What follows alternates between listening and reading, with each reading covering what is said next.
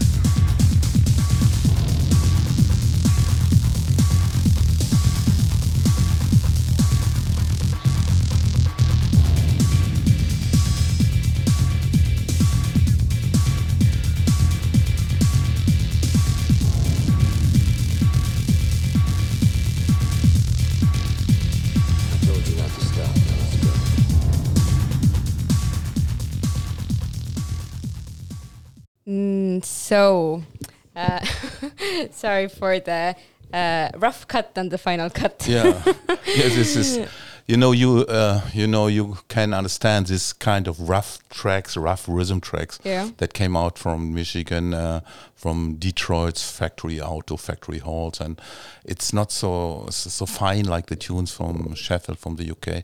But I th- always thought if you we put both direction into a blender Yeah. then we come very close to techno what comes out. But this was amusing in 1988 89 what we listened to. And it was a problem to find venues where we could uh, listen to this music where we, the dj could play it. And that was a reason we did our own you know we looked for our own place and where we met maybe 40 50 people. And we called this venue it was in the basement called ufo ufo it was quite noisy and the neighbors didn't like it. It's very rough, this place, but uh, it was a beginning actually. So when the wall uh, came down later, you know, we were prepared. On the one side, we did know how to make records. We knew how to sell a bottle of beer, you know, and we also had contacts to Detroit and to other people, and that was um, a big help, you know. The, the way you talk about it uh, gives me the feeling that uh, this all is really simple and easy, but I'm sure it actually wasn't. Yeah, it was a creepy crawl in the very end looking back, but we were young and we had fun. And I took a chance, you know. Everybody could have gone to, to the US and Mm-hmm. to, to was doing the research. I'm a curious person, you know, so mm-hmm. I was really wondering what's happening. And I'm not just maybe a fan of the new wave or punk, you know. Mm-hmm. I was always open new doors, but I did not forget the old times. And but these were signals for a new musical epoch, you know coming up. And but it was not the final thing you know so um and then this big this historic moment came you know and the people were like they were like uh, very excited waiting for something new. In those days we have had this acid house we had this kind of electro electro music what we just listened to and we had high energy we had rap music we had nirvana you know. But everybody was waiting for something new the east and the west kids you know in berlin especially. And um, in 91 when we found this venue you, you must understand there were no authorities in those days. The authorities police and so they cared about traffic lines and It, So- it's difficult to Yeah, imagine, honestly, right now. but it uh, it was it's a history, and it was about four years, and then a, a very great change happened. You know, we were lucky that the euphoria was big, really huge euphoria, and then we had space in the east part of Berlin, empty spaces, and then we had this this great, uh, you know, this this uh, situation that a change will coming. You know, it is waiting, and then these new signals from Michigan came, and we found this incredible venue. Was called the Tresor, you know, and uh, and we were in touch with with Detroit with Jeff. You know, Jeff uh, called me up and said we have a new project called Underground Resistance, and he delivered uh, us a tape called Sonic Destroyer um, by this project on X101 and uh, Underground Resistance were behind it, and we released this track, and this was a smash hit in all clubs. You know, maybe we listen to it. Yes. So, so Sonic Destroyer, and um, it was played. You know, we had like five, six, seven clubs or venues, but Tresor was very important, and the another big uh, power station called the E-Werk, and uh, cool. Let's give it a listen.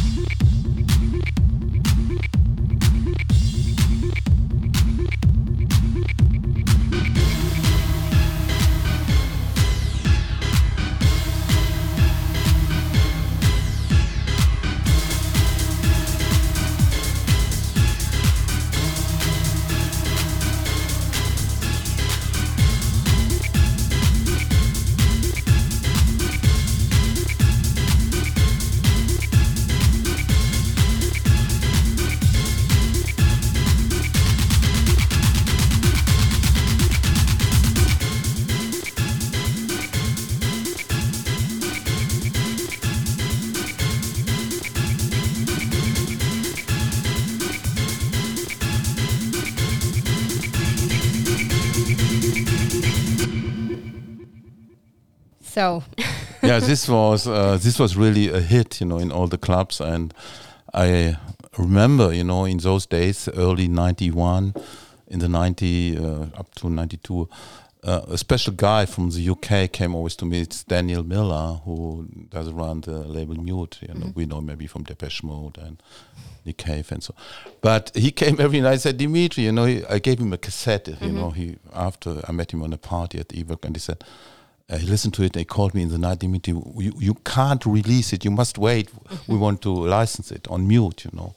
I said, we cannot wait. It's so hot, man. So we we pressed a few whites and gave it to the DJs and because Daniel Miller for his ma um, machine for pro marketing machine he mm -hmm. did need two three months, but we came together and he released it worldwide, you know, on Mute, mm -hmm. And we also in the Europe in Europe, and so he opened Mute opened us a distribution in the world, you know, mm -hmm. that was a good step for Tresor Records, you know. And uh, but I must also say this music came from Michigan. It was not produced in Berlin or so. Mm -hmm.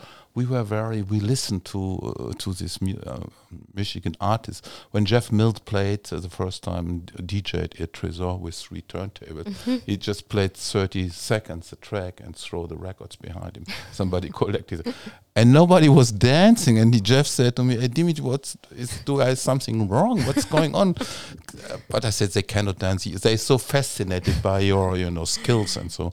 But um, I must say, um, after a while, all the Detroiters, we had no internet in those days, you know, mm-hmm. and everybody spoke, there is this crazy club in Berlin, you must come. And we produced, you know, it was like going like this cash on delivery. okay. The artist brought a dot tape and we mm-hmm. gave them the money and then we released the record. But the main interest of us was to bring the, the label up, you know. Mm-hmm. The club was secondly, you know, and it was a bit really confusing in the club how it worked, but it was great fun, I must say, and we were completely illegal. Okay. But uh, the next track we listen to is uh, made by the originator of techno, by Juan Atkins, and mm-hmm. called Starlight.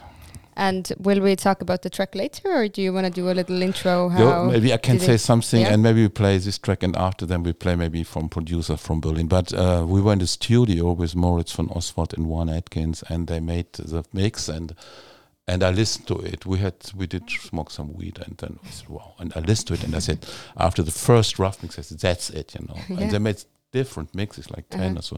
But in the end, the first mix came on. That's the first mix, and I like okay, it. It's let's give it a listen.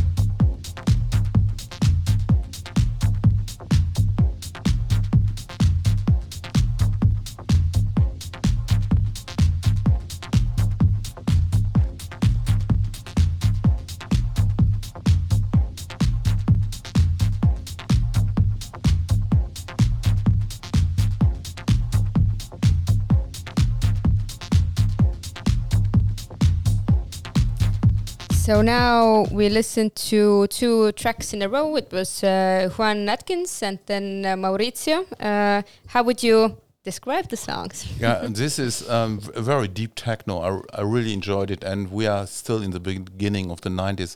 Maurizio, it's a very special um, case. He's a great producer together with Mark Ernestus.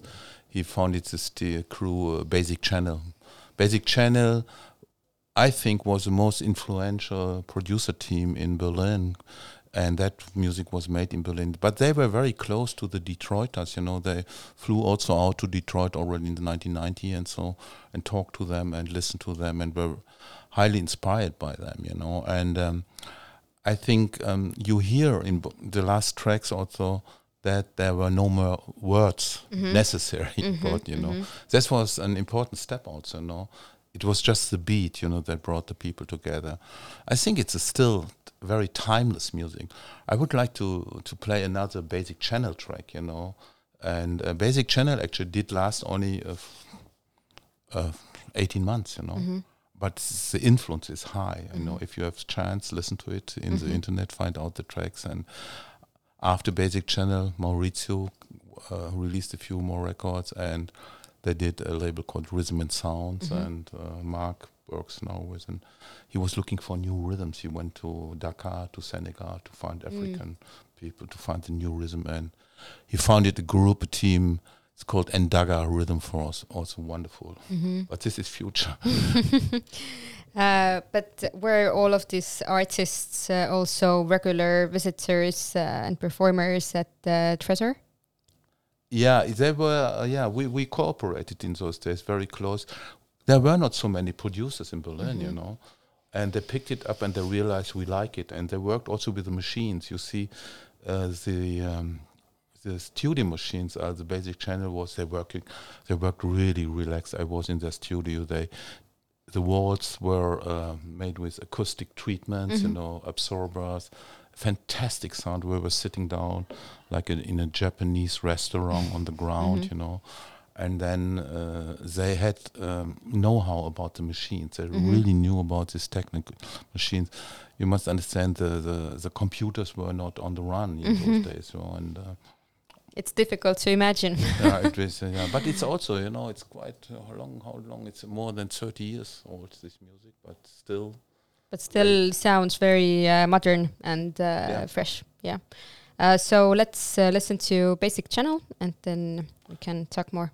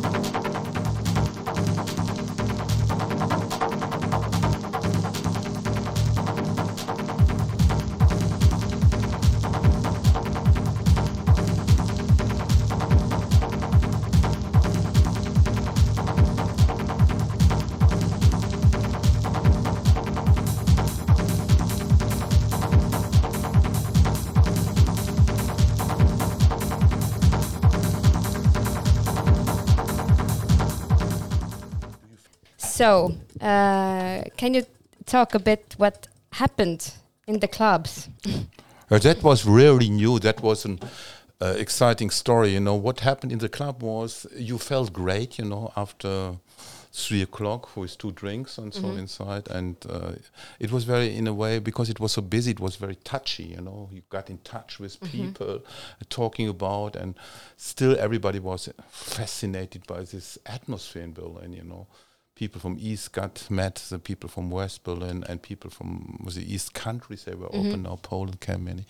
And I think today that this music that has not uh, any words inside Mhm. transported, you know, th- that was a big um, change, you know, and uh, also the the young people they start they were all philosophers they had great Mhm. ideas you must see everybody who came to berlin brought at least one idea you know and uh, the the pictures of the bbc or cnn worldwide you know run around the world about the fall of the wall and the first love parades did take place it was a parade Mhm. celebrating this music. It started sl- slow in 1989 with 200 people. In the 90s, it got up to 500,000, up to a million people. And these pictures of uh, young people dancing in the street, they made Berlin very interesting. So people, young people everywhere in the world said, hey, as a city, this is quite crazy. Let's check it out. You Mhm. know, there's something we do not have. So let's go.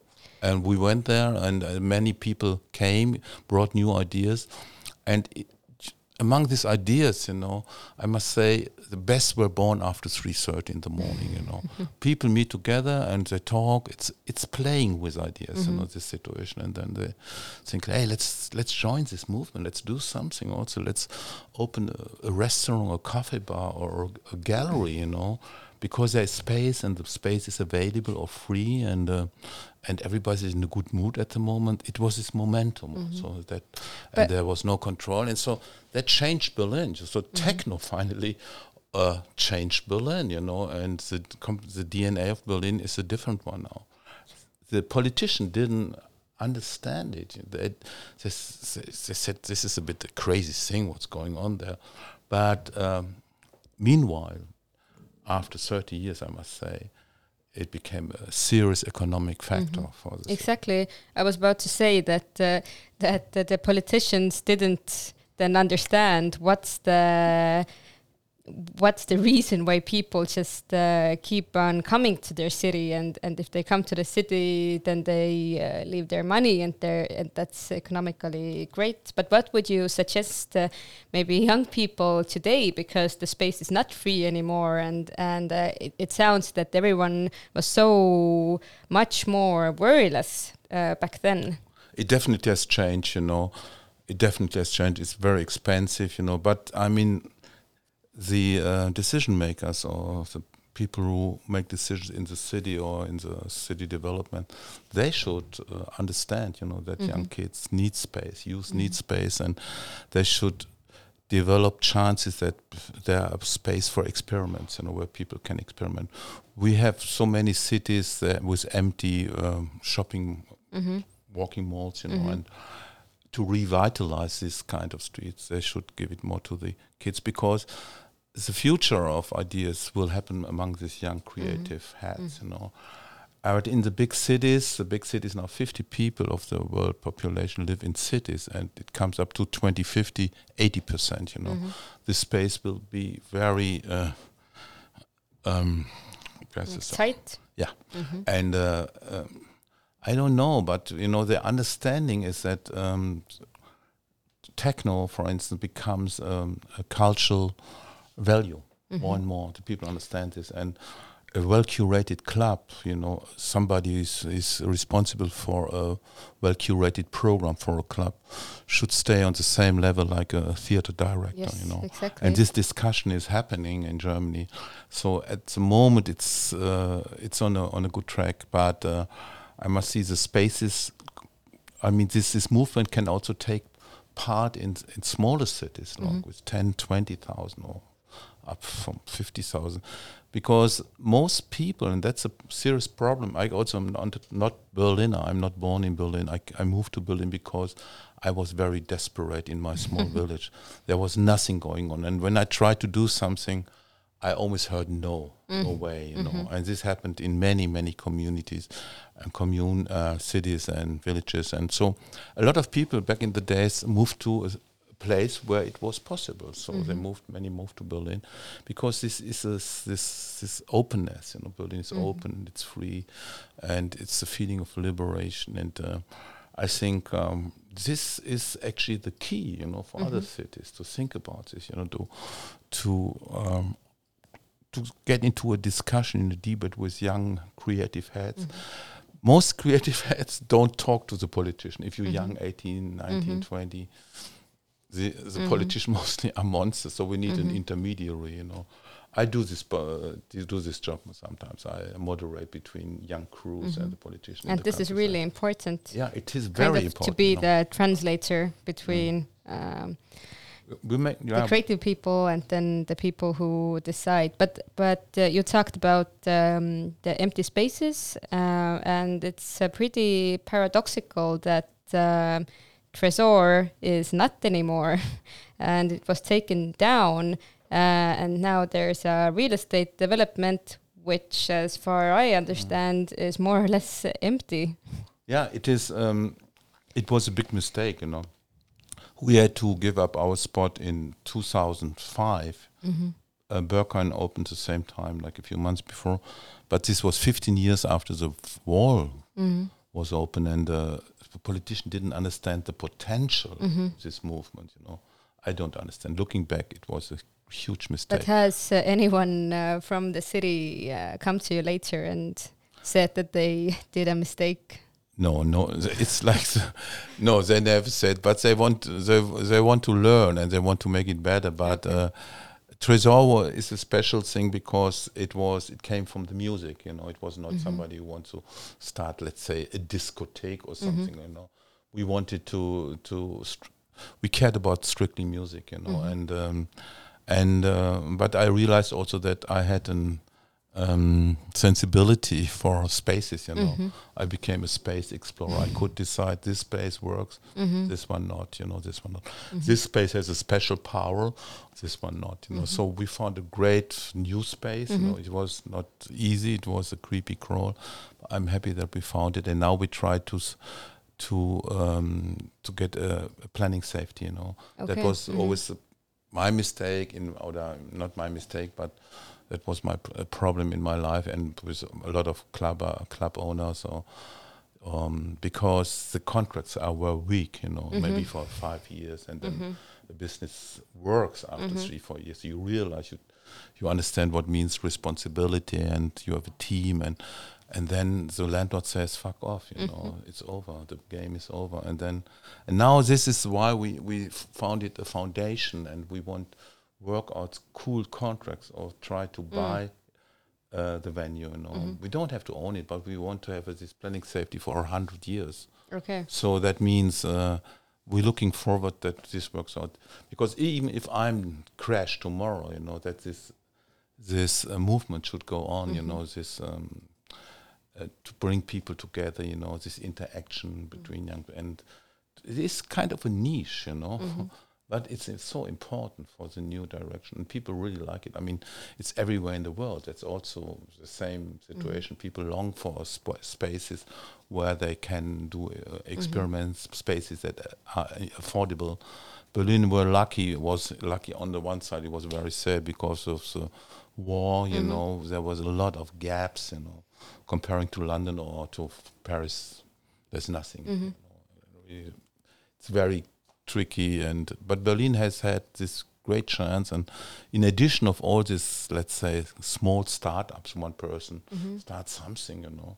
In addition of all these hundreds of ideas and thousand ideas, um, Berlin changed its image completely. You know, people from outside coming, and it's it became a very uh, and and stay. Half of the people stay.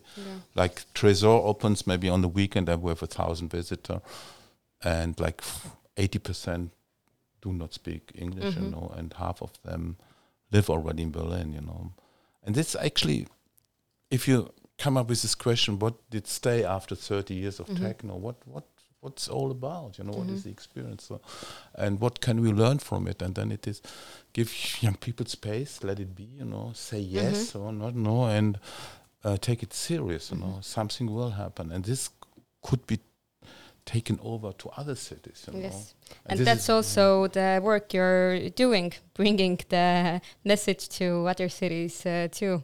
The say yes message is really uh, simple, but uh, somehow it doesn't really uh, stick yeah. to the authorities. Yeah, I think. Um, I mean, imagine. You know, I like always to compare cities. You know, if there may be two cities, and one city cares about cultural programs, or whatever. You know, it doesn't matter. Is it clubbing? Is it just classic music? It is mm. painting? Whatever it is in the arts. You know, exhibition. Mm-hmm. As m- and the other city doesn't care so much. So mm-hmm. it's very clear where the people mm-hmm. want to live. You know. Yeah, exactly. And it also, if you care a lot for cultural investments, other people move to this place because they feel better you know, in this environment. And this is uh, this is so simple, you know. Let's let's uh, listen to a track now, and then uh, let's come back uh, for uh, the reason uh, you are in Tallinn, and uh, for the final words, and then for a final track too. But, but what's the tune we're gonna listen to now? We jump to the UK. Maybe listen to James Ruskin now. He's a great artist still after all these years. He started very young in Tresor also, and um, yeah, he's now lives in London, and he's a great, great artist. I guarantee if you have a good night, go to J- James' party. You know. Let's listen to it.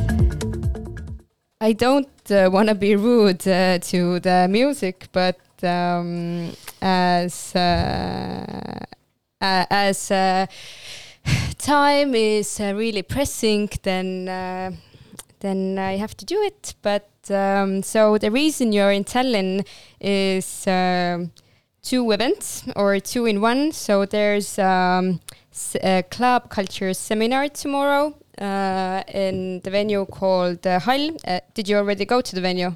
Not yet. I'm very curious. Yeah, I'm sure you'll like it a lot. Um, and uh, there's the festival called Dark Side of, the Moon, of the Moon. If the people who listen to us haven't yet got their tickets, then go to uh, Facebook and um, get them now. And I really hope to see everyone there tomorrow. Uh, I'll be there too. But uh, what are you going to do at the seminar and the festival? Yeah, I was. I'm very happy that I was invited, and we're talking about uh, the club as an ecosystem. You know, what could be done? How can you live? You know, in this scene, how could you maybe do something good for the city? And uh, the question is, what is everybody willing to do for the city? You know, even out from this scene, you know, from the electronic music and I can bring some best practice, you know, from Berlin, where we also have an industry, you know, like Ableton, Native Instruments, SoundCloud, Resident Advisor. They all find jobs, and I s- can also talk about the interaction between different uh, alliances between different art scenes. You know, it's it's the film or it's really uh, uh, game worlds. You know. And uh, you're on a panel with uh, one of the politicians uh, too, so uh, I hope that everything uh, you say will be understandable for him and that he will stay a bit longer to um, talk about your experience and ideas more. But now we have to go to the final tune. And like said before, everyone get your tickets. See you tomorrow at the seminar. Don't miss the chance. Thank you so much, Dimitri, for coming to Tallinn, for doing all your great job you have been doing the last years. Uh, thank you for coming to Ida Radio and uh, thank you for being part of the seminar and the festival too. Yes, thank you for the invitation, and I will invite the politicians to Berlin so they can see. Yes. The then don't forget that I'm also a politician who wants to come to Berlin. What's the last tune we're going to listen to? Okay, let's jump to China. You know, I want to say we we signed a guy called Chao from China. This music, you know, is successful everywhere. Mhm. And it's called And Sensi Sansi, yeah, and the artist is. Ciao. Okay, ciao to everyone too. Thank you so much.